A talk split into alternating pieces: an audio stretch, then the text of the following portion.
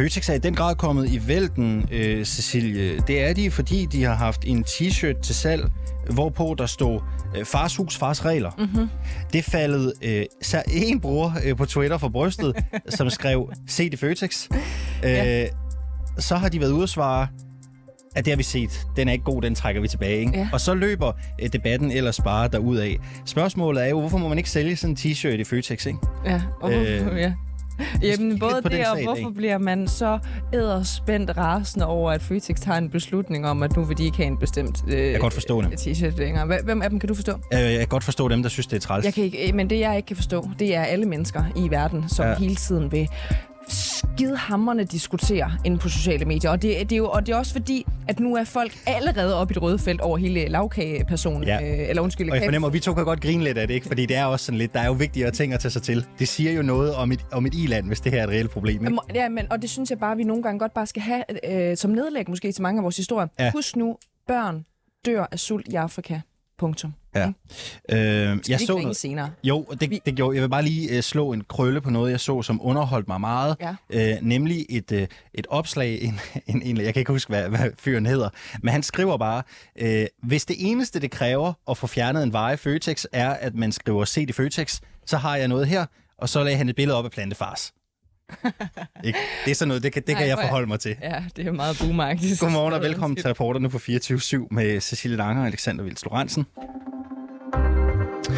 Aldrig nogensinde før i menneskehedens historie er der fravalgt så mange børn med Down-syndrom som nu. Fravalget af disse børn understreger, at vi ellers i den mest mangfoldige tid er præcis lige så kyniske, som man var i 30'ernes Tyskland. Øh, I for eksempel øh, det nazistiske Tyskland fravalgte man mennesker med Down-syndrom af hensyn til et samfundsbillede. I dag gøres det samme, men man gør det udelukkende af hensyn til sig selv og sit eget liv og ikke barnets. Det kunne man læse, hvis man slog op i Kristligt Dagblads meningssider i den her uge, Cecilie. Nogen vil jo mene, det lyder utrært, øh, men ikke nødvendigvis vores to øh, næste gæster. Øh, godmorgen og velkommen til dig, Andreas Storsul Nielsen, og dig, Miriam Stolsul Nielsen. Godmorgen. Godmorgen. I er forældre til Ella på 6 år, som har Down-syndrom og er født med en hjertefejl. Ja. Prøv lige at forklare os, øh, hvad par, som ikke ønsker at få et barn med Down-syndrom, har øh, til fælles med øh, det nazistiske Tyskland. Ja, man kan jo sige, at, at, at ved at man fravælger et barn, som har et ekstra kromosom, så er det, fravælger man jo, hvad skal man sige, mangfoldigheden i, at vi er, som vi er. Du fravælger jo også muligheden for, at vi er forskellige. Du fravælger også den kærlighed, som et barn med Downs øh, giver til os som forældre og til andre. Men hvad har det med Nazi-Tyskland at gøre? Jamen, det der skete i Nazi-Tyskland dengang i 30'erne, det var jo, at man gik ind, og så fravalgte man mennesker, som havde en anden, hvad skal man sige, som var anderledes end mængden. Du fravalgte folk, fordi de var forskellige. Du fravalgte folk, fordi de havde en anden tro. Du fravalgte folk på grund af mange ting, ikke?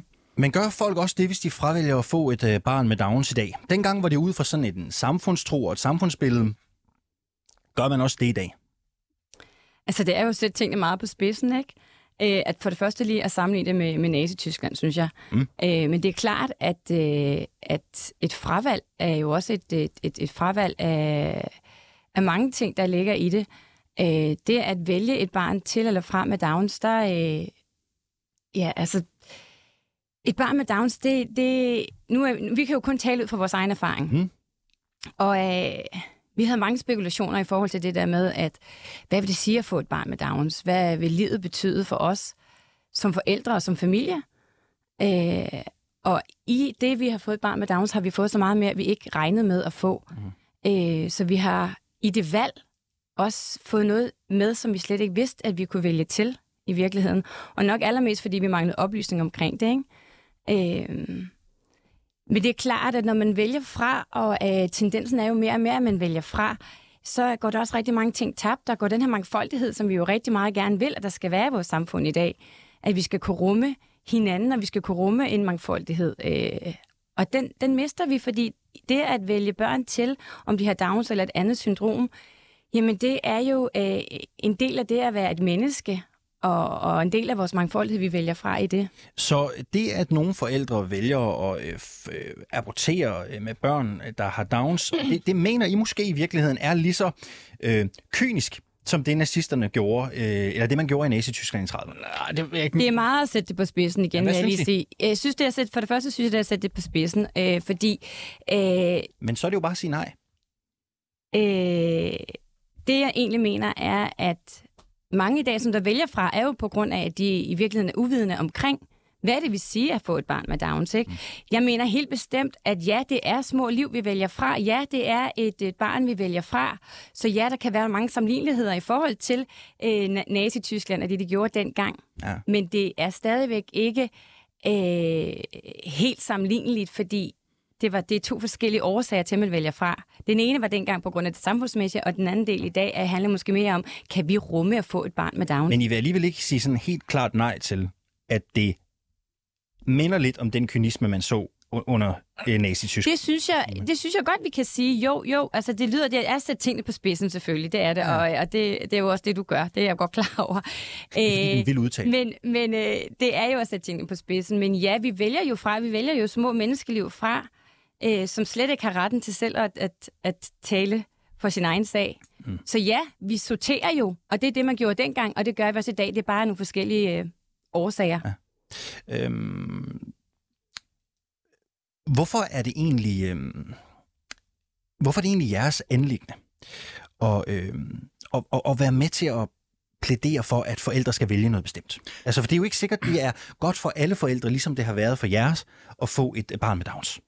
Hvorfor, øh, hvorfor vedkommer det egentlig jer? Det vedkommer også helt klart i den grad, fordi at dengang, at vi stod i situationen og ventede Ella, der fik vi en ensidig, øh, øh, hvad kan man sige, vi fik ligesom kun lærerne og det sundhedsfaglige personale, der ligesom kun rådede os i en, en retning. At det Prøv ligesom, lige at sige noget mere om det. Prøv, hvad, ja. Hvad sagde lægerne? Altså, hvad, hvad rådede de Jamen det var, altså, det var for det første, da vi ligesom får meldingen, at hun har Down-syndrom, øh, så går hele sundhedspersonalet nærmest sin sørgemarsch på vores vegne.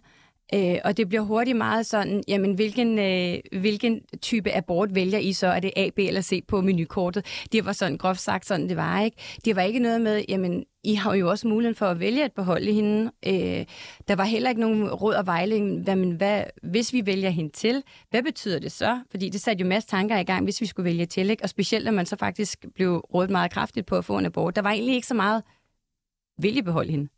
Prøv, prøv lige at se, hvordan kom det, Andreas, til, til udtryk? Altså, er, øh, fik I et katalog, hvor man siger, at det A, B eller C er abortmulighed? Eller, eller hvordan kom det helt konkret til udtryk i, i sundhedssystemet? Det, der kom til udtryk, var ved, at, at, at vi blev præsenteret for, du ved, Nå, nu har hun en hjertefejl, eller sådan og sådan. Jamen, øh, hvad skal vi booke en tid til at til en abort på mandag? Og det her, det var måske torsdag. Altså, det var sådan, der var ikke noget med, hvor du fik, at, at du fik mulighed for at, at få tale med nogle andre om, hvordan det var ledes. I forhold til dit spørgsmål før, mm. øh, hvor du s- spurgte, hvad ligger også på hjertet? Det, der ligger også på hjertet, det er, at dem, der, når de træffer et valg, så skal de træffe et valg på baggrund af fordele og ulemper. Det vil sige, de både hører, hvordan det er for nogen at have et barn med Downs, og ikke kun høre fra den ene, altså det er en ensidig, det skal være en, en hvad hedder det, en, en bred mm. vifte af information. Hvor, hvordan folk træffer deres valg, det er op til dem selv. Så jeg synes, det er fair nok, hvis nogen siger, at det er ikke noget for mig, øh, vi vil gerne abortere. Det er deres valg. Ja, hvad synes I? Jamen, Er det okay? altså, vi synes jo, det er synd, og vi bliver jo kede af det, når vi har et barn med Downs, som vi er glade for. Øh, så derfor kan vi det sige, at det berører os, men folk må træffe deres eget valg. Okay. Jeg, synes, jeg, jeg kan godt sige, at jeg synes, mit hjerte græder helt sikkert. Det gør det, fordi ja. øh, at øh, det der ekstra kromosom, det er jo bare et ekstra kromosom ud af de der sådan 46, så har hun 47, men de 46 er stadigvæk repræsenteret af, det er vores arveanlæg, det er vores gener, der er givet videre. Det er vores datter, hun er en lille pige, og, og det er alle de her børn, der bliver sorteret fra, jo, de er jo øh, børn, som jo ikke selv får muligheden for at sige, om de egentlig har lyst til at være til, på grund af et ekstra kromosom. Mener du, at det skulle være altså, ulovligt at abortere i den situation? Altså, synes du, det skulle være forbudt? I forhold til, hvis man har Down-syndrom? Ja, Ja. det synes jeg faktisk. Det skulle simpelthen være forbudt. Ja, det synes jeg, fordi at det er simpelthen et, øh, et individ, som bidrager med så meget. Altså, vi begynder at sortere i, hvem har ret til at være her. Ja. Vi har brug for mennesker med Down-syndrom. Vi har brug for mennesker, som har, som, øh, har nogle øh, udfordringer, fordi ja. de er med til at bidrage på en anden plan. Så hvis man er gravid som par med et barn, der har Downs, så skal det simpelthen være øh, ulovligt at abortere, tænker du? Det tænker jeg, øh, ja, det vil jeg faktisk gerne sige. Er du generelt modstander af abort?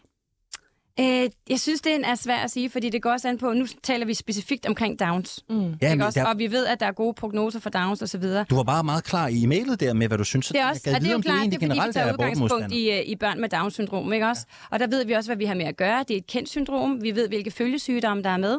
Vi ved, at, øh, at får man den rigtige øh, vejledning og råd og støtte, så kan du faktisk føre et, et godt familieliv, også på trods af, at du har søskende i forvejen. Øh, men ah, vi taler jo, altså det er en bred vifte, fordi det er vo- voldsomt at skal stille det sådan op, som du stiller det op. Fordi forventer du et barn, som, har, som er multihandicappet, som er svært øh, øh, ramt? Jamen det er igen en anden debat. Jeg synes lige nu, der forholder vi os til, det er Down-syndrom, og, øh, og det er den. Andreas, øh, og tak for dit svar. Det var det dejligt klar tale. Øh, Andreas, øh, vi hører her din partner sige, ja, jeg mener faktisk, det burde være ulovligt at abortere et barn med Downs. Er du enig? Øhm, ja, fordi vi har en kærlighed, vi har en forkærlighed for børn med Downs, nu når vi selv Ja. har en datter med Downs. Øh, og sætte op, om det er ulovligt. Øh, jeg synes bare, igen, som jeg sagde før, der skal være klar, altså folk skal være oplyst. Før i tiden havde du et øh, ambulatorium for Down-syndrom, det vil sige, at venter du et barn med Downs, så fik du oplysning, du fik information om, hvordan det var, du fik at vide osv. osv. Det har man nedlagt og formentlig brugt pengene på nakkefoldskærninger i stedet for, fordi man ønsker at sortere fra i, hvordan vi er. Man kan sige, når du taler om at sortere fra, hvad bliver det næste? At hvis du venter et barn, der er rødhåret, eller, ikke, eller, eller har blå øjne, eller ikke har brune øjne, eller noget andet, skal du så kunne vælge fra på baggrund af det.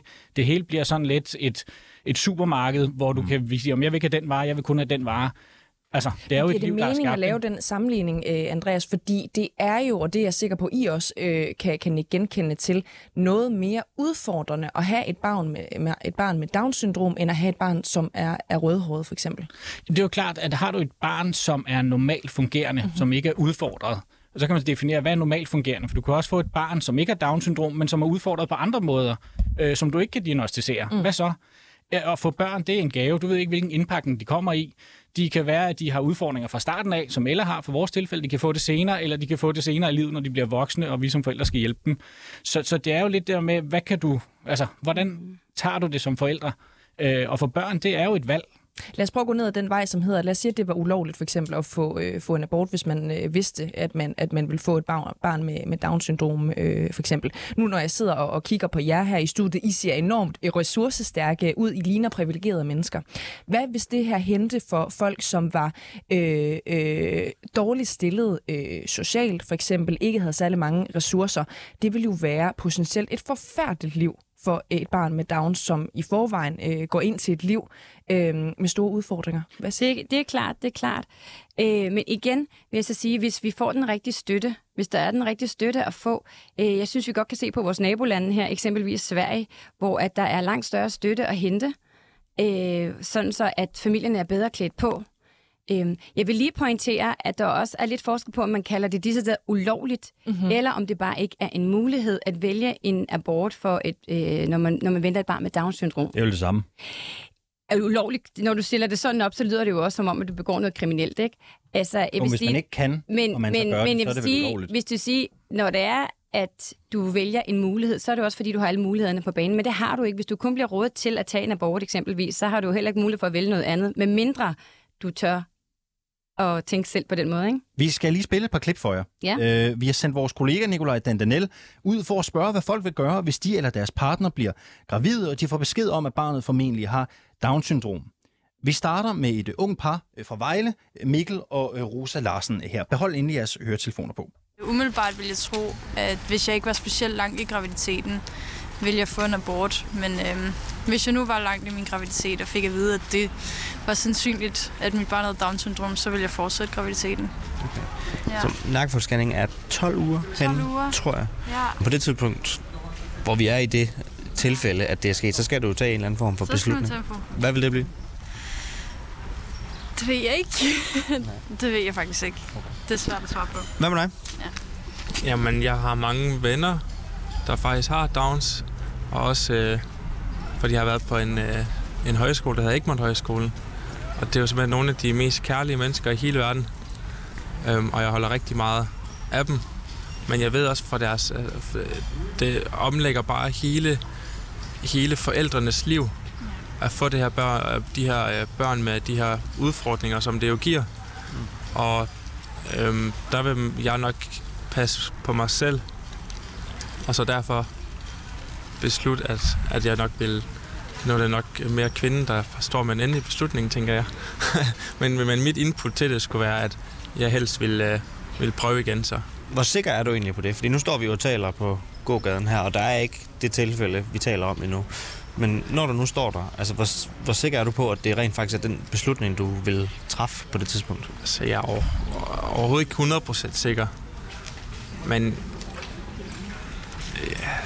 når jeg sådan mærker efter lige nu i hvert fald, om jeg så fik spørgsmål, om jeg kunne tænke mig et barn, hvis man sådan omformulerer spørgsmålet lidt, så, så vil jeg nok takke nej, og så, og så jeg som sagt prøve igen, ikke? Ja, altså hvis du frit kunne vælge uden konsekvenser, Ja. om det skulle være et barn med Down-syndrom eller et barn uden, så vil du vælge et barn uden. Ja, lige præcis. I hælder en lille smule, du har ikke taget nogen fast beslutning, men I hælder en lille smule til i hvert fald muligheden for at få det fjernet. Er det så for at skærme jer selv, eller for at skærme barnet?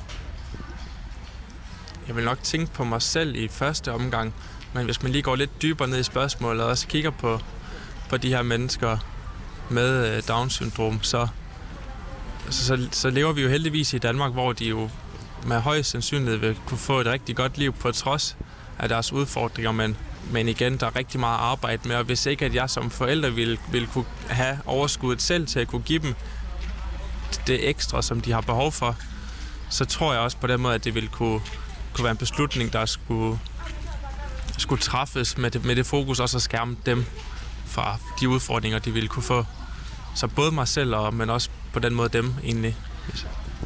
Nu har jeg gået op og ned her i en time, og det kan jo sagtens være, fordi at jeg ser utiltalende ud. Men mange af dem, som jeg har talt med, som siger, at de vil få det fjernet, de vil rent faktisk ikke fortælle det, når jeg så siger, at jeg gerne vil tænde mikrofonen. Altså har I nogen betænkeligheder ved at fortælle om det her? Øhm, nej, det, det synes jeg egentlig ikke. Det, altså, hvis jeg har svært ved at svare på det, så er det for min egen skyld. Det er ikke fordi, at øh, jeg vil skamme over mit valg. Nej. I kan ikke se, at der er noget sådan en, et græn af egoisme og kynisme i det her med at, at vælge det fra, måske. Det føler jeg ikke, faktisk. Jeg føler jo, at nu når man har fået, når man, når man kan træffe et valg, så skal man, jamen, så, der er bare et eller andet ved det, der gør, at jeg føler ikke, det, det er kynisk. Ik, ikke så tidligt i, i processen, og det ved jeg heller ikke. Altså et barn, det er måske også, skal man passe på, hvad man siger, men altså så længe det ikke er født, jeg, jeg går 100% ind for abort. Og det frie valg og så videre. Så det, jeg føler ikke det. Jeg føler egentlig mere, det er egoistisk, og hvis nu at jeg ved på forhånd, at jeg ikke vil kunne tage mig af det her barn, og give det barn det kærlighed og den ekstra omsorg, som det har brug for, så vil jeg føle, det er mere kynisk at få barnet, på trods af, at jeg ikke selv måske øh, har en indkomst, der gør, at jeg har overskud til det, og så videre, og fritiden og interessen og så videre, som det nu kræver, ikke? Mm. Så egentlig måske vente om at sige, at det, det kan være mere kynisk og ja, negativt at få, eller at få det. Nu prøver jeg også bare lige ved det, jeg hører, så måske at et potentielt dårligt liv er værre end ikke noget liv. Ja, sådan kunne man egentlig godt øh, lige kort den sætning ned. Det vil jeg sige ja til. Ja, det var udgangsreplikken fra Mikkel og Rosa Larsen fra Vejle her. Andreas og Miriam Storsule Nielsen, I er stadig med at se i studiet. Hvad tænkte I om det, I hørte her? Jamen, det tyder jo på den, den der uvidenhed omkring, hvad det er, man går ind til. Og det er også det, som vi startede med at sige, at, at det der er for os, er det vigtigt, at folk bliver oplyst omkring både fordele og ulemper. Ja, at have et barn med Down-syndrom, det er udfordrende for os som forældre. Mm. Om man er, nu brugte du ud af Cecilie, øh, ressourcestærk. Det ved jeg ikke. Altså, det handler jo bare om, hvordan man, man fagner det, og hvordan man tilgår de udfordringer, der er på den ene eller anden måde. Øh, men igen, så handler det om, at man skal være oplyst om det. Og, og Mikkel, eller undskyld, var det Mikkel hernede? Ja, Nemlig? han var jo rimelig, jamen han vævede i det, han sagde, på baggrund af, at han måske mente, og hvis ikke man havde økonomisk formående, eller var penge til det, og så kunne man ikke, osv. I bund og grund handler det om, at vi skal have plads til, at vi kan være forskellige. At der kan være forskellige måder, hvorpå vi er som personer. Vi skal ikke alle sammen være stereotype øh, og, og de ting der, men der skal være rummelighed til alle. Og hvis man så ikke er ressourcestærk, jamen så er det jo ikke familiens skyld. Så er det jo, hvad skal man sige, nu siger jeg samfundet, kommunerne, der skal gå ind og støtte de, virks- eller de personer, som ikke har ressourcerne til Hvor det. meget synes du, de skal støtte dem? Hvor meget skal kommunerne være villige til at støtte for eksempel øh, ressourcesvage forældre, som får et øh, barn med Downs? Jeg synes, Skal der være et loft, eller skal der ikke være et loft? Jeg synes, der skal det støttes så meget, som der er behov for. Øh, vi som forældre, vi Der skal bruger... ikke være noget loft. Der skal bare være... Det tænker jeg ikke. Nej, det er bare afsted med, med kommunens Nej, skattekroner. det skal være inden for rimelighed, selvfølgelig. Alt skal være inden for rimelighed. Du skal jo ikke, det skal være rimeligt i det, du gør. Vi som forældre bruger rigtig meget tid, ikke på Ella, fordi hun har udfordringer, men på kommunen og kæmpe med kommunen og skrive frem og tilbage og juristeri og alt muligt andet, for at få nogle simple ting, som, som ligesom er en udfordring. Ikke? Ganske kort her til sidst. Miriam, den turnerer jeg til dig. Er der ingen pris, som er for høj at betale i forhold til at få et barn? Med Down-syndrom? Ja. Nej, det synes jeg ikke, der er. Det er fantastiske børn, og vi har brug for dem, for de lærer os rigtig meget. Andreas og Miriam øh, Storsuge Nielsen, tusind tak for jeres ærlighed her øh, til morgen. I er som sagt forældre til Ella på øh, 6 år med Down-syndrom, som I altså valgte at få, selvom I kendte øh, diagnosen. Tak fordi I kom her øh, til morgen. Og vi vil også øh, rigtig gerne høre, hvad I øh, mener derude, kære øh, lyttere. Vi ved, at der fødes næsten øh, ingen børn med Down-syndrom i Danmark øh, længere. Det skete sådan lidt øh, løbende efter 2004, hvor man fik en ny øh, screeningsmulighed, øh, mulighed, hvor, hvor langt de fleste altså vælger øh, børn med Downs øh, fra. Vi vil godt høre jeres mening. Send en sms til os ind på 92 45 99 45. I kan også bare hoppe ind på vores øh, Facebook-profil og blande jer i øh, kommentarsporet der. Der har været godt gang i øh, koncerterne og festivalerne hen over øh, foråret, og måske har der også været lige lovligt godt øh, gang i sagerne, Alexander. Du har jo hørt en del af, om, Ja, ja. om sagerne. Vi har været meget optaget af det her, her på reporteren. Ikke? Øhm, den 15. april, der blev en koncert i Tivoli. Det var med Ice Kid, altså rapperen, afbrudt på grund af slagsmål blandt øh, publikum, hedder det. Og fredagen efter, så var der igen lidt for meget gang i den i, i Tivoli, hvor flere forsøgte at forsere hegnet til den gamle park inde midt i, i København. Også i Jylland har man oplevet roligheder på Jelling Musikfestival. blev en koncert med DJ Martin Jensen, der ham der også er dommer i X-Factor, ikke? Øh, afbrudt på grund af, hvad Ekstrabladet det beskrev som tumult blandt festivalens unge publikum. Og senere så blev øh, hegnet væltet efter en koncert med øh, blandt, andet, øh, øh, øh blandt andet øh, Minds of, of 99 til Northside Festival. Det ved jeg, for jeg var der selv. Det var faktisk virkelig voldsomt. Okay. Men hvorfor har de her uroligheder øh, været så udbredt den her sommer? Og er det primært de unge, der er skyld i den her udvikling? Det har vores øh, reporter Kasper Bugge øh, Petersen talt med adfærdsforsker og professor ved Institut for Statskundskab ved Aarhus Universitet om. Det er ham, der hedder Michael Bang Petersen. Han startede med at spørge om, hvad der er sket med den måde, øh, vi opfører os på til store begivenheder. Ja, men vi ved ikke helt præcis, hvad det er, der er sket. Så man kan have forskellige øh, hypoteser til det, hvor en kan være, at vi er lidt som øh, køer øh, på græs, som, som nu har været øh, inde en hel vinter, og nu er det blevet forår, og vi kommer ud, og der så er noget festenergi, der skal, øh, skal ud af systemet. Øh, den, den forklaring tror jeg øh, ikke helt øh, så meget på. Men der er også nogle andre typer af forklaringer, øh, og det handler mere om, at der kan være sket nogle ændringer i de normer, vi har for, hvordan vi holder fest. Og de kan godt være forandret under coronakrisen. Øh, og det handler for det første om, at der er nogle årgange, som ikke øh, har oplevet at gå til koncerter og andre større arrangementer øh, her under coronakrisen, og måske derfor ikke har, har lært, hvordan er det egentlig, man gebærder sig øh, der. Kan også være en anden faktor, og det er, at øh, det at holde fest, det er jo på sin vis noget, der er, er sket øh, i trods mod autoriteter øh, under coronakrisen, at når man mødtes, så gjorde man noget, som man ikke måtte. Og begge de her ting kan have skubbet til den måde, som, øh, som måske særligt de unge, øh, de gebærer sig på, når de er til øh, de her større arrangementer. Men, men kan det i virkeligheden også være, at vi sådan, i de her to år, hvor vi har været i nogenlunde dvale, der ved godt, der har været nogle, nogle genåbninger øh, en gang imellem de seneste, de seneste par år, øh, hvor, hvor vi kunne få lov til et eller andet. Men altså, at vi glemmer, at det også øh, kunne, måske har gået hårdt for sig i 17, 18 og, og, og i 19, altså før coronapandemien, at vi i virkeligheden vender tilbage til en slags øh, normal, som der var øh, tidligere. Vi, vi mennesker har i hvert fald øh, tit en, en tendens til at tænke, at alting var, var bedre i, øh, i gamle dage. Så der kan sagtens være en tendens til, at man ser rosenrødt øh, på det. Og vi har ikke rigtig nogen data, der kan specifikt fortælle os, om det øh, ser, øh, ser værre ud nu, end det har gjort tidligere. Men, men der er øh, nogle, nogle udtalelser fra folk, der står på de her arrangementer, som i hvert fald øh, har en oplevelse af, at, at det er anderledes, men, men vi har ikke noget samlet overblik over det. Nu snakkede du før om, at det, at det, var, det, det kunne være nogle generationer, som, som ikke var blevet opdraget, øh, eller har været, været med til det her, sådan, sådan de kunne, kunne danne sig sine egne normer. Øh, hvad hedder det, øh, men er det givet, at det kun er øh, øh, den, den yngre generation? Er der, er der også en, øh, en ældre generation, der har det, et ansvar her for, at normerne er blevet, som de tydeligvis er blevet? Man kan sige, at hvis det er denne her øh, normforklaring, så, så skal vi nok forvente, at det i høj grad er blandt de unge, mens at hvis det mere er øh, denne her med, at vi er som, øh, som køer, der kommer på græs, så, så vil man forvente, at det er lidt mere øh, bredt forekommende, den her type adfærd. Øh, men, men igen, så er det svært ligesom at sige, hvad der præcis øh, sker, fordi vi ikke har et samlet overblik. Det her det er jo i høj grad baseret på, på enkelte arrangørers øh, oplevelser af lige præcis deres, øh, deres arrangementer. Så, så det er svært at sige helt præcis øh, dels om der er et problem, øh, og hvad det er, der er forklaringen.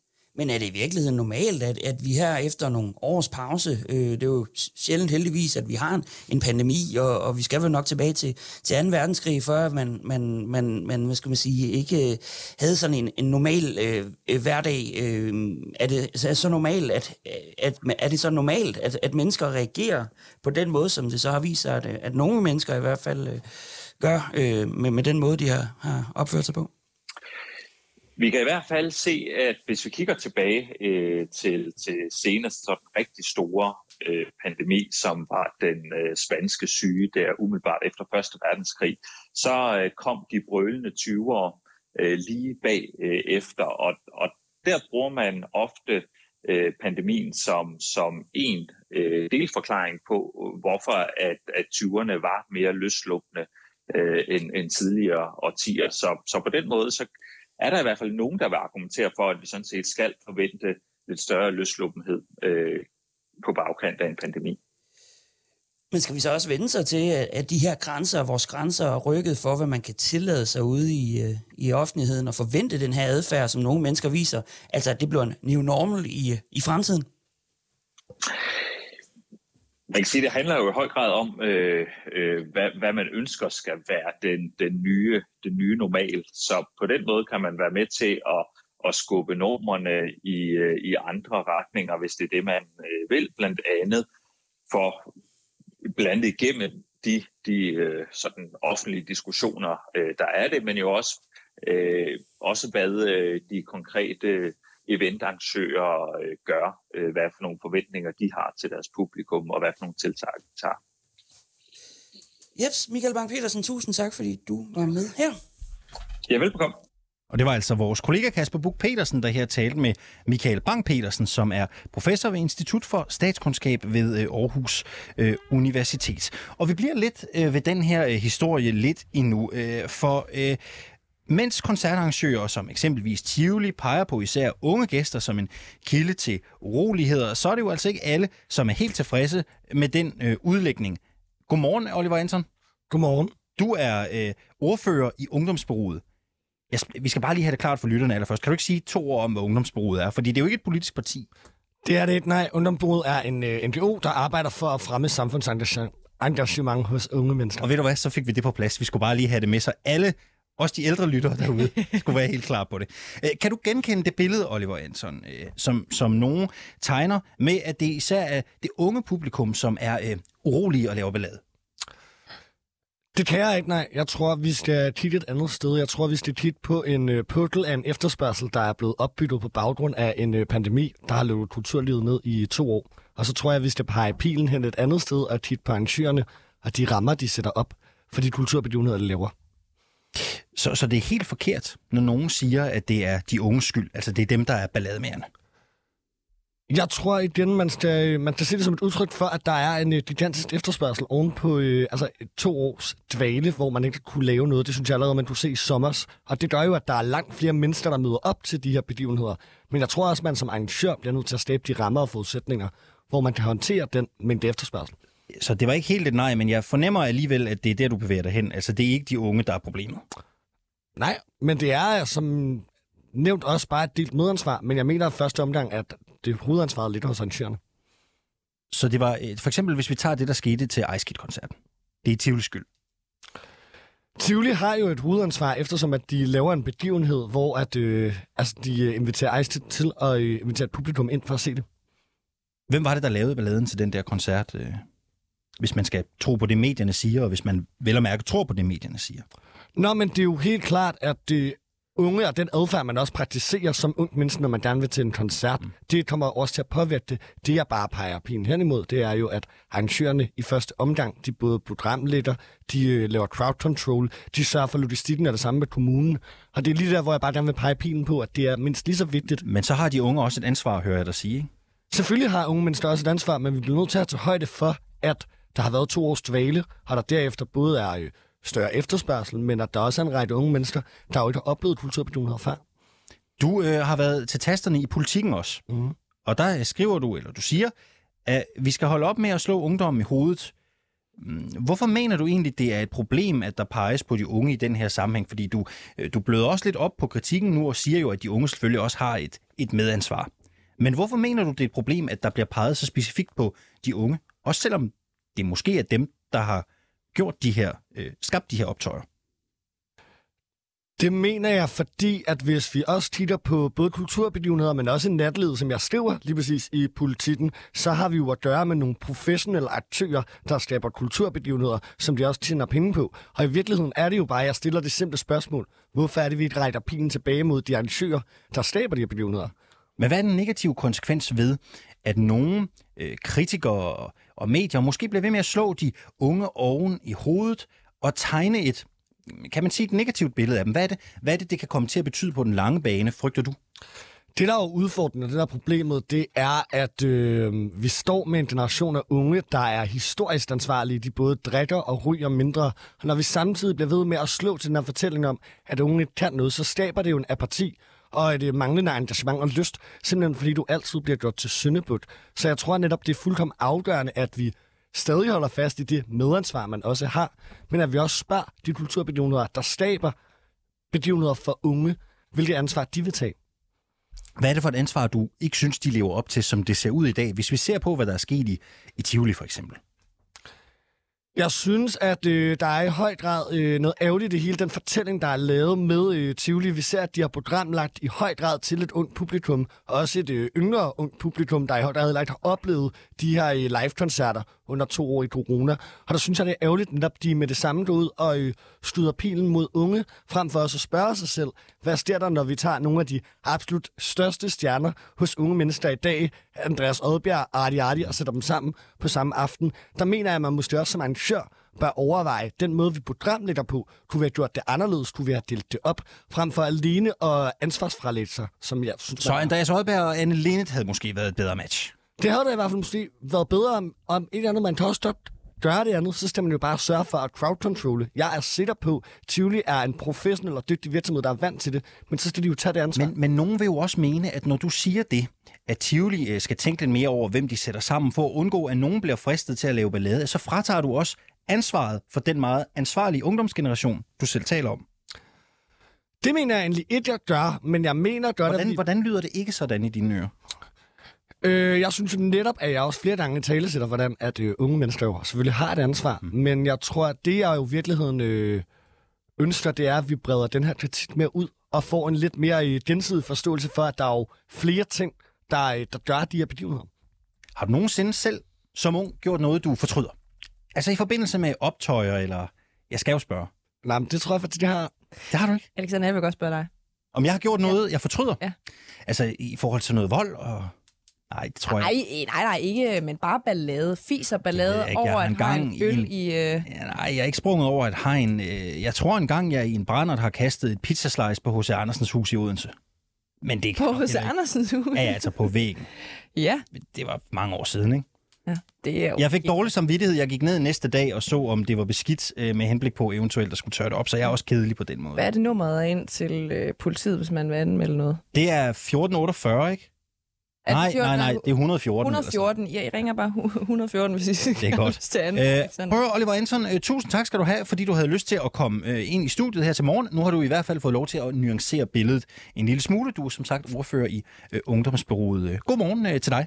Tak. Alexander, vi har en hængeparti. Ja, det har vi. Fordi at der er sket noget inde på Twitter, og det, øh, der sker jo ikke noget inde på Twitter, uden at Medie øh, Danmark selvfølgelig griber den slags øh, historie, vel? Ja. Den her gang så handler det om en t-shirt. Øh, der er en Twitter-bruger, som har øh, lagt et billede op af den her t-shirt, som altså kan købes i øh, Føtex. Der står fars hus, fars regler på den her øh, Ja, t-shirt. Ikke? Så skriver øh, øh, Twitter-brugeren bare, set i Føtex i dag, altså den, de, den der emoji med de der vidt øh, udspilede øjne, Ja. ja. som om, hvad fanden er det her, ikke? Øhm, til det så svarer øh, Føtex, er det Føtex, eller er det er Salling Group, Salling jo, der har pressedragten undskyld. for Føtex. Øhm, øh, pressekommunikationschef øh, Jakob Krogsgaard Nielsen, som han hedder. Øh, han skriver, hej Rikke, øh, dumt og utidigt budskab. Vi fjerner dem. BH Jakob. Og så er de jo væk, ikke? Jamen, det må man Kort proces. nærmest gå ud fra, ikke? Prøv, hvad synes du om den der t-shirt? Det er en helt almindelig hvid t-shirt. Så står der fars hus, ikke? Og H'et i hus ligner er sådan et jo- ja. højhus med et tag. Og så fars regler nedenunder. Hvad, hvad synes du om den? Jeg har det sådan her. Øh, vi- vil jeg øh, have, at den skal fjernes fra Føtex? Nej, det må Føtex selv bestemme. Ja. Synes jeg, at den er en lille smule provokerende? Ja, og den er også dybt urealistisk. Der er jo ikke øh, nogen huse efterhånden længere, hvor det er far, der bestemmer. Hvad hvis far bor alene? For det tænkte jeg nemlig, da jeg så det her. Hvis en enlig mand køber den der t-shirt, Ja, ja. er det så et problem? Ja, men det er det jo for ham selv, altså, fordi så får han formentlig ikke særlig meget øh, omsorg og respekt ude i, i øh, verden. Fordi det er en grim t-shirt, og fordi man ikke skal gå og sige fars hus, fars regler, så er man Du kan jo ikke lide den t-shirt. Nej, jeg synes, Nu ringer vi til Salling Groups pressemand. Ja, Han hedder. Jakob Krogsgaard Nielsen. Du elsker t-shirten til gengæld, så på den måde... Jeg vil gerne købe den, øh, men det er jo nok for sent nu. Ja. Jeg kan spørge ham jo, om han har en på lageret, ikke? Ja. Så vil jeg gerne købe den og går med den. Ved du hvad? Jeg går med den hver morgen. Jeg vil give den. Giver, du giver? Ja, jeg giver, hvis Det er i orden. vi kan få fat i en. Bare jeg ikke skal kalde dig far på arbejdet, det vil også være mærkeligt. Det vil være mærkeligt for alle. Ja. Så det slipper du for. Vi har jo også allerede en far på arbejdet, ikke? Jeg tror, han blevet ringet til mange gange i går, øh, Jakob her. Jeg tror, det var jo den helt store historie, ikke? Det, Nummeret, du ringer til, kan ikke... han tager ikke Nej, telefonen. nej, det. Ved du hvad, det er lige meget. Vi prøver igen. Øh, vi får noget på det her øh, i morgen. Det kan også være, at vi skal gå ud i Føtex og se, om vi kan finde den stadigvæk. Det Simpelthen gå ned og på. spørge, om den ligger på lageret, om vi må købe en, ikke? kan også bare ringe til Twitter-brugeren, øh, øh, Rikke Vimose, som øh, hun hedder, og spørge, hvordan hun har det med, at hun rent faktisk er lykkes med at få den her øh, grimme, grimme t-shirt fjernet. Og hvad kan vi ellers få fjernet fra Føtex hylder? Det kan vi Ja. også gøre et forsøg. Plantefars, var det ikke det, du... Jo, jo, jo. Det er helt 100.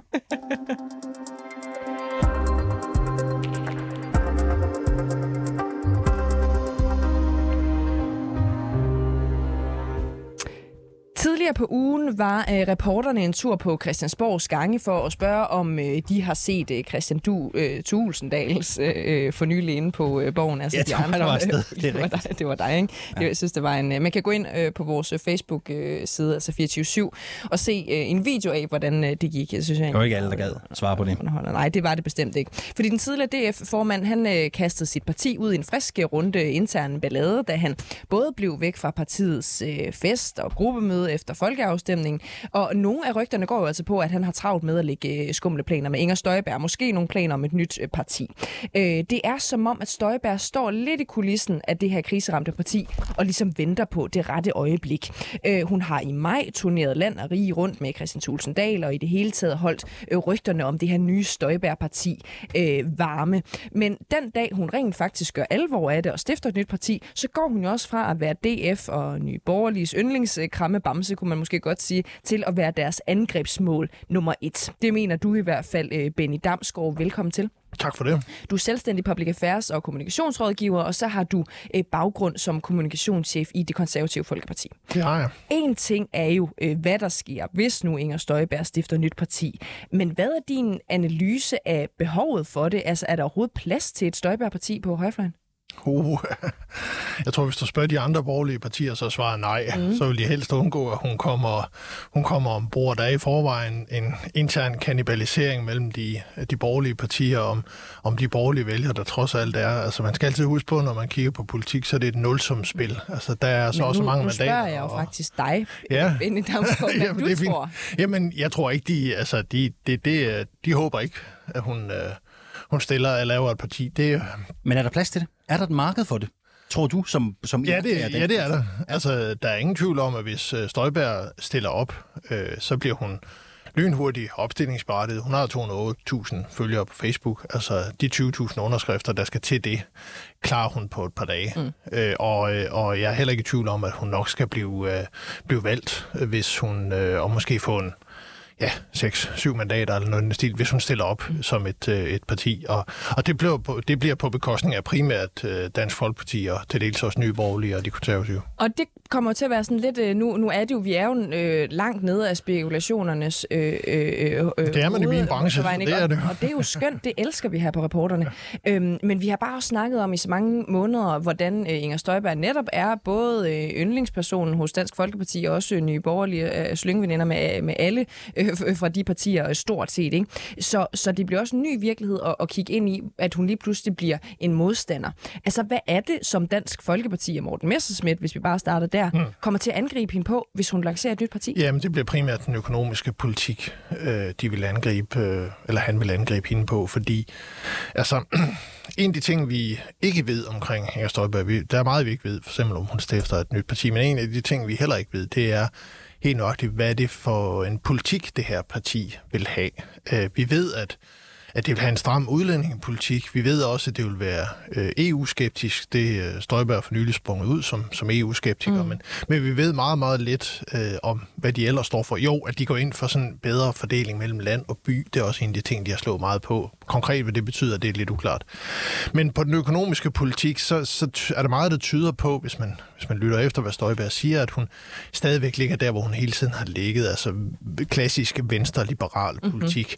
Og det vil være sådan et, et klassisk angrebsmål for, for især Dansk Folkeparti og, og Morten Messerschmidt, som jo repræsenterer et parti, som i hvert fald på den økonomiske dagsorden ligger relativt tæt op af Socialdemokratiet. Så det vil være der, han skal slå til. Det vil for eksempel være på spørgsmål omkring Arne-pension, for at tage det som et eksempel, hvor øh, at... Øh, Messerschmidt har jo været en del af aftalen omkring Arne-pensionen, men, men hvor man godt kan stille spørgsmålstegn ved, om Støjberg øh, vil, øh, vil gå ind og stemme for, at den i givet fald skal afskaffes. Mm. Lad os prøve lige at kigge på Pernille Vermund og Nye Borgerlige øh, også. Altså, hvad, hvad kommer de til at, at angribe hende på? Ja, det er straks lidt mere uklart, men jeg vil tro, at øh, de i bund og grund prøver at... Øh, til at starte med tror jeg, de vil prøve på at ignorere hende. Øh, og det andet vil være, at de vil, øh, de vil angribe hende for ikke at være ambitiøs nok, øh, og nok måske også øh, angribe hende for at være for... Øh, ja, for systembevarende i det hele Men det bliver da svært, ikke, når selv samme parti har sendt et fly med banner i luften for at samle øh, penge ind til Inger Støjberg. Det, det bliver en svær flanke at begive sig ud på. Jo, men det er det både for Dansk Folkeparti og for Nye Borgerlige. Det bliver sådan et... Øh, altså, det bliver... Um, den der lidt øh, akavede stemning, den svære samtale, eller hvad man skal sige, når man, når man, når man smiler, samtidig med, at man siger noget ondskabsfuldt. Men, men det er sådan lidt, altså de er tvunget til det, fordi at der er ingen tvivl om, at de, de jo stadigvæk har mange vælgere, som, som øh, virkelig godt kan lide Inger Støjberg. Det er jo baggrunden for, at de har omfavnet hende så meget, som, som de har. Men samtidig med, så kan de jo bare se, hvis de ikke gør noget, at hun langsomt men sikkert vil æde deres stemmer, og det har de ikke råd til, især ikke Dansk Folkeparti. Var det egentlig ikke en kæmpe fodfejl, at man ikke øh, tidligere, fordi vi stod jo allerede og hørte øh, Morten Messersmith tale øh, positivt om Inger Støjberg inde på øh, Christiansborg for nylig for, i forbindelse med folkeafstemningen. Igen, skulle han ikke på daværende tidspunkt have lagt klar afstand fra hende, når han nu kunne se, hun var ude at turnere? Altså er det ikke for sent? Det bliver jo et et svigt et eller andet sted, hvis man den ene dag synes, hun er øh, fantastisk, og den næste dag øh, øh, øh, synes, hun er en politisk modstander. Jo, altså for det første vil det, vil det blive sådan en glidende overgang, og, og øh, det vil ikke være sådan, at de fra den ene dag til den anden vil gå hårdt til hende. Men, men altså udfordringen med alt det her med Støjberg har jo også været, at der i reelt set ikke rigtig er nogen, der ved, om hun stifter et, et nyt parti. Og det gælder også uh, Christian Thulesen Dahl. Altså hvis man taler med kilder tæt på, uh, på Inger Støjberg, så ved ingen, om hun stifter et parti, ud over hende selv, og Thulesen Dahl ved det heller ikke. Damsgaard, vi har talt om, hvad det kommer til at betyde for nye borgerlige og for Dansk Folkeparti. Mm. Op i Venstre, der var Støjberg jo i gamle dage. Der sidder også stadigvæk nogle Støjberg-støtter. Øh, Thomas Danielsen eksempelvis, som har fået en prominent plads i partiet. Øhm, kan det også blive dyrt for Venstre, hvis Støjberg stifter et parti? Er der nogen, der vil sive for Venstre over i et nyt Støjberg-parti? Der er måske lidt vælgere, der, der vil. Nu har Venstre, kan man sige, afskaldet mange af Støjbergs støtter allerede, mm. men, men øh, hvis du tænker på, for eksempel om der er nogen i folketingsgruppen, som kunne være fristet til at, at hoppe med på sådan et projekt, så Jeg tænker faktisk mest vælgerne. Ja, altså fordi i folketingsgruppen, så tror jeg da ikke. Altså Venstre er i en anden situation, end de var for et halvt år siden. De er øh, langt stærkere i dag, især her efter folkeafstemningen, end, end de var. Øh, målingerne begynder også at rette sig.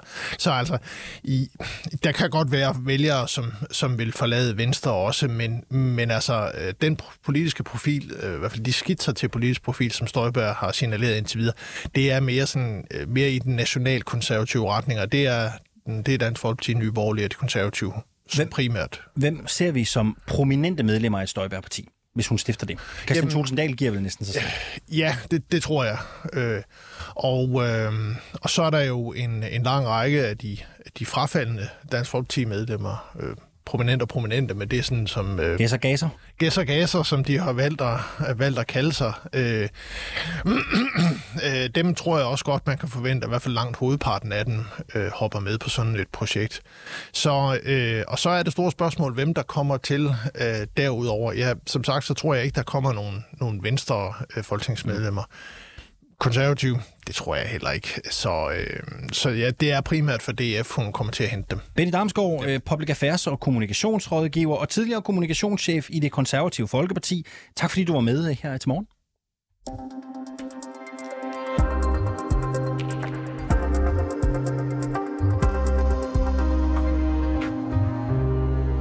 Alexander, Alternativet har nu foreslået helt at nedlægge Ankestyrelsen permanent. Ja.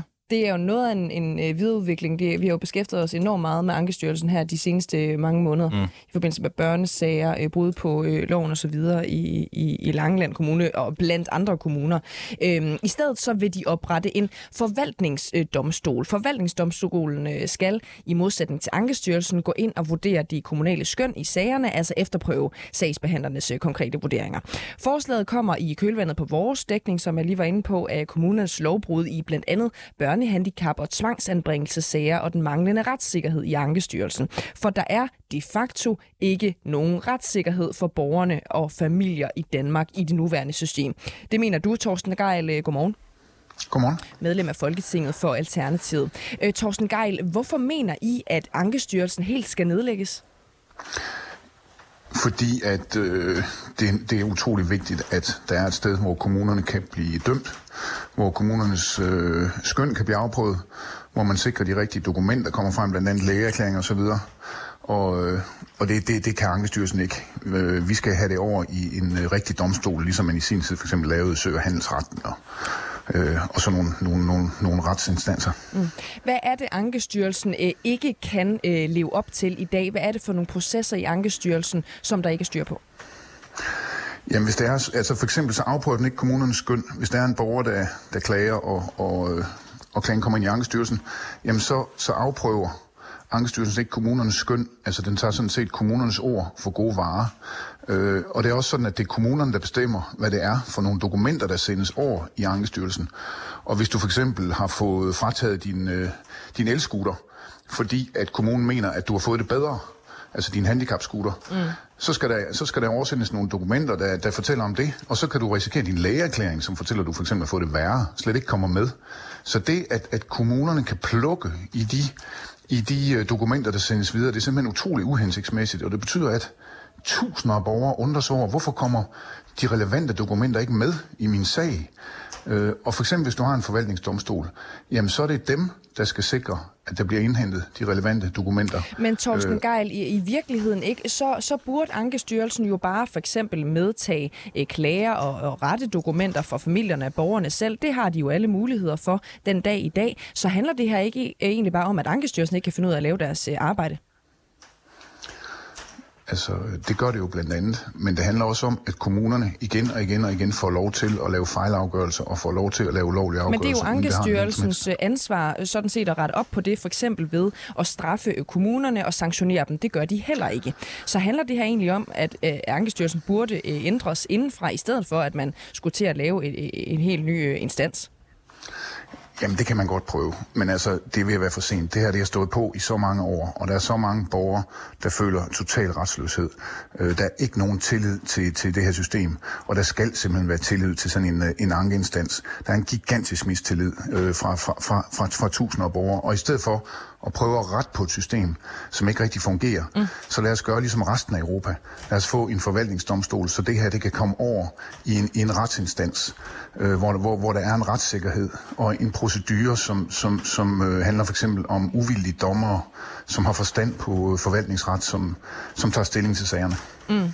Øhm, så du vil altså hellere have en ny instans, i stedet for at forsøge at, at rette op på nogle af de ting, som er fejlet øh, i, i Ankestyrelsen. Hvis man spørger, og det har vi jo øh, forsøgt øh, inde på, på Christiansborg, og har spurgt øh, Socialminister Astrid Krav, så har hun fuldstændig affejet den her kritik med, at der er høj grad af, af mangel på retssikkerhed for borgerne i Ankestyrelsen. Øhm, hvordan kan I have så forskellige opfattelser af, hvad der er virkeligheden? Altså, nu skal jeg jo ikke øh, gøre mig klog på, hvorfor hun siger, hvad hun gør. Øh, jeg kan bare sige, at min opfattelse af virkeligheden er, at rigtig mange borgers retssikkerhed har været kompromitteret i rigtig mange år. Vi har selv i Alternativet skrevet bøger om folk, som, som er, er reformramte, og som ikke kan, hvad kan man sige, som bare bliver mere og mere syge, mens de venter på, at systemet skal, skal afgøre tingene. Øh, og der, der er simpelthen så mange ting galt. Folk venter i evigheder på sagsbehandling. Sager bliver ikke afgjort. Mm. Sager bliver omgjort. Nogen, i, I nogle tilfælde på børneområdet er det jo ja, over 90 procent af sagerne, der bliver omgjort. Og, og, og det er som om kommunerne udnytter det, fordi hvis de tager en, en service eller en ting fra en borger, jamen så mister borgeren jo den ting i den periode, hvor sagen står på. Og måske det bliver omgjort, jamen så får borgeren den tilbage igen, men der sker ikke noget med kommunen. Og det vil sige, at der er ikke nogen præventiv, præventiv effekt. Kommunen risikerer ingenting. Og det gør, skal man altså rundt omkring i samfundet, hvis man har et retssamfund, så skal, så skal det altså koste, hvis man gang på gang på gang på gang øh, laver fejlafgørelser eller ulovlige afgørelser. Ja. Og det kan, det kan en forvaltningsdomstol sørge for, ligesom den gør i resten af Europa. Det kan jo godt være lidt øh, sådan svært for folk, der måske ikke kender til det her system, sådan helt at sætte sig ind i. Så prøv lige at, at, at forklare os, hvad der skulle være fordelen øh, ved øh, den nye instans, øh, altså, som jeg går ud fra skal komme, når, når Ankestyrelsen så er, er, er lukket ned, ikke? Jamen, fordelen er, at hvis en borger øh, er utilfreds med, med, med en kommunal afgørelse, så kan man gå til forvaltningsdomstolens forkontor, hvor der er gratis proces, altså du skal ikke betale noget for det, mm. hvor du bliver hjulpet og rådgivet til øh, at forstå din sag, og øh, forkontoret kan henvende sig til kommunen og sige, den person bliver altså mere syg af det tiltag, I har lavet, så, øh, så det, det dur ikke. Og hvis kommunen ikke retter ind, så kan de, øh, så kan de komme for en domstol. Men Thorsten Geil, det kan Ankestyrelsen jo også gøre i dag. Nej, øh, øh, Ankestyrelsen kan ikke dømme kommunerne. Ankestyrelsen... De kan sanktionere kan... jo, og, og de kan omgøre deres uh, sager, de kan indhente ny information, gå tilbage til kommunerne og sige, ved du hvad, det der arbejde, det var ikke godt nok, det skal I lige få rettet op på. Så hvad er det nye? Ja. Jamen det nye er, at kommunen kan blive dømt. Kommunen er, det nye er, at mm. de rigtige dokumenter kommer frem. Det nye er, at der ikke bliver accepteret utrolig lange øh, sagsbehandlingstider. Det nye er, at, at, at sagerne kommer for en dommer, og ikke en, en, en ankestyrelse, der bare muligvis omgør det. Så der er en kæmpe stor præventiv effekt ved, at, at fælden klapper. Og noget af det, som er vigtigst af det nye, det er, der er en stopknap. Altså, mange af de sager, som I også selv har refereret til, mm. de kunne have været undgået, hvis der havde været en instans i starten, der var trådt ind og sagt, Godt. det her, det følger ikke reglerne. Torsten Geil, øh, tiden løber, så jeg vil sige tak, fordi du var med os her til morgen. Velkommen. Altså folketingsmedlem for Alternativet. Og Alexander, vi har desuden kontaktet både indrigsminister Christian Rabia Madsen og socialminister Astrid Krav. De er endnu ikke vendt tilbage på vores henvendelser, men vi følger selvfølgelig op.